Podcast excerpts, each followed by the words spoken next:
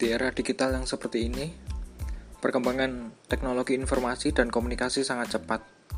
Setiap hari kita menerima ribuan informasi, bahkan jutaan. Entah itu dari media cetak maupun media sosial kita. Di antara informasi tersebut, ada informasi yang benar, ada juga yang hoax. Ada informasi yang kita perlukan, ada pula yang tidak kita perlukan. Namun, sering kali informasi-informasi yang tidak kita perlukan itu yang menjadi distraksi bagi kita. Ketika kita sedang berusaha fokus mengerjakan sesuatu, tiba-tiba ada notifikasi dari HP.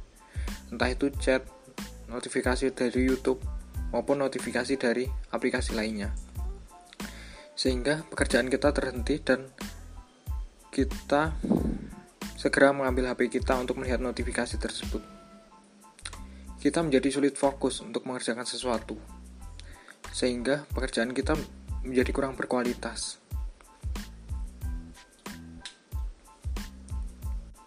Pikiran kita menjadi terbagi-bagi dan yang ada, pekerjaan kita nggak kunjung selesai.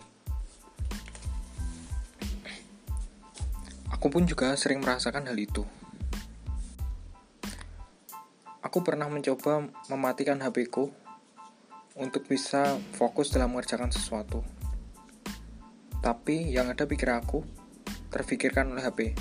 Bagaimana kalau ada yang mencariku? Bagaimana kalau ada yang membutuhkanku? Bagaimana kalau ada pemberitahuan penting di HP ku? Akhirnya aku menyalakan HP ku dan scroll-scroll HP sampai berjam-jam. Padahal niatnya hanya melihat notifikasi saja.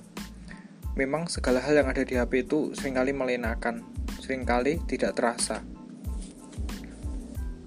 Aku juga pernah memasang aplikasi pengunci seluruh aplikasi yang ada di HP. Harapannya dengan aplikasi pengunci itu bisa membuatku mengendalikan diri untuk mengurangi penggunaan HP. Ya mungkin sekali dua kali, sehari dua hari berhasil. Namun beberapa hari kemudian mulai muncul kompromi dalam diri. Ah nggak apa-apa lah, sekali-kali melanggar ah nggak apa-apa lah.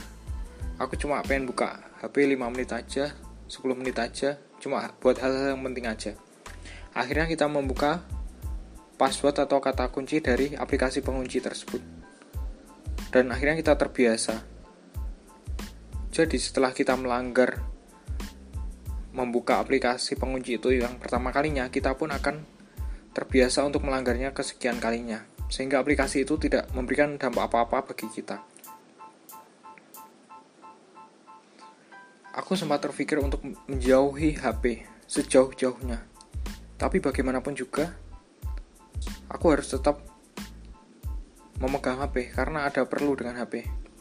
Rasanya sulit sekali jika hidup tanpa memegang HP. Aku pun bingung bagaimana caraku agar aku tidak terdistraksi saat mengerjakan sesuatu.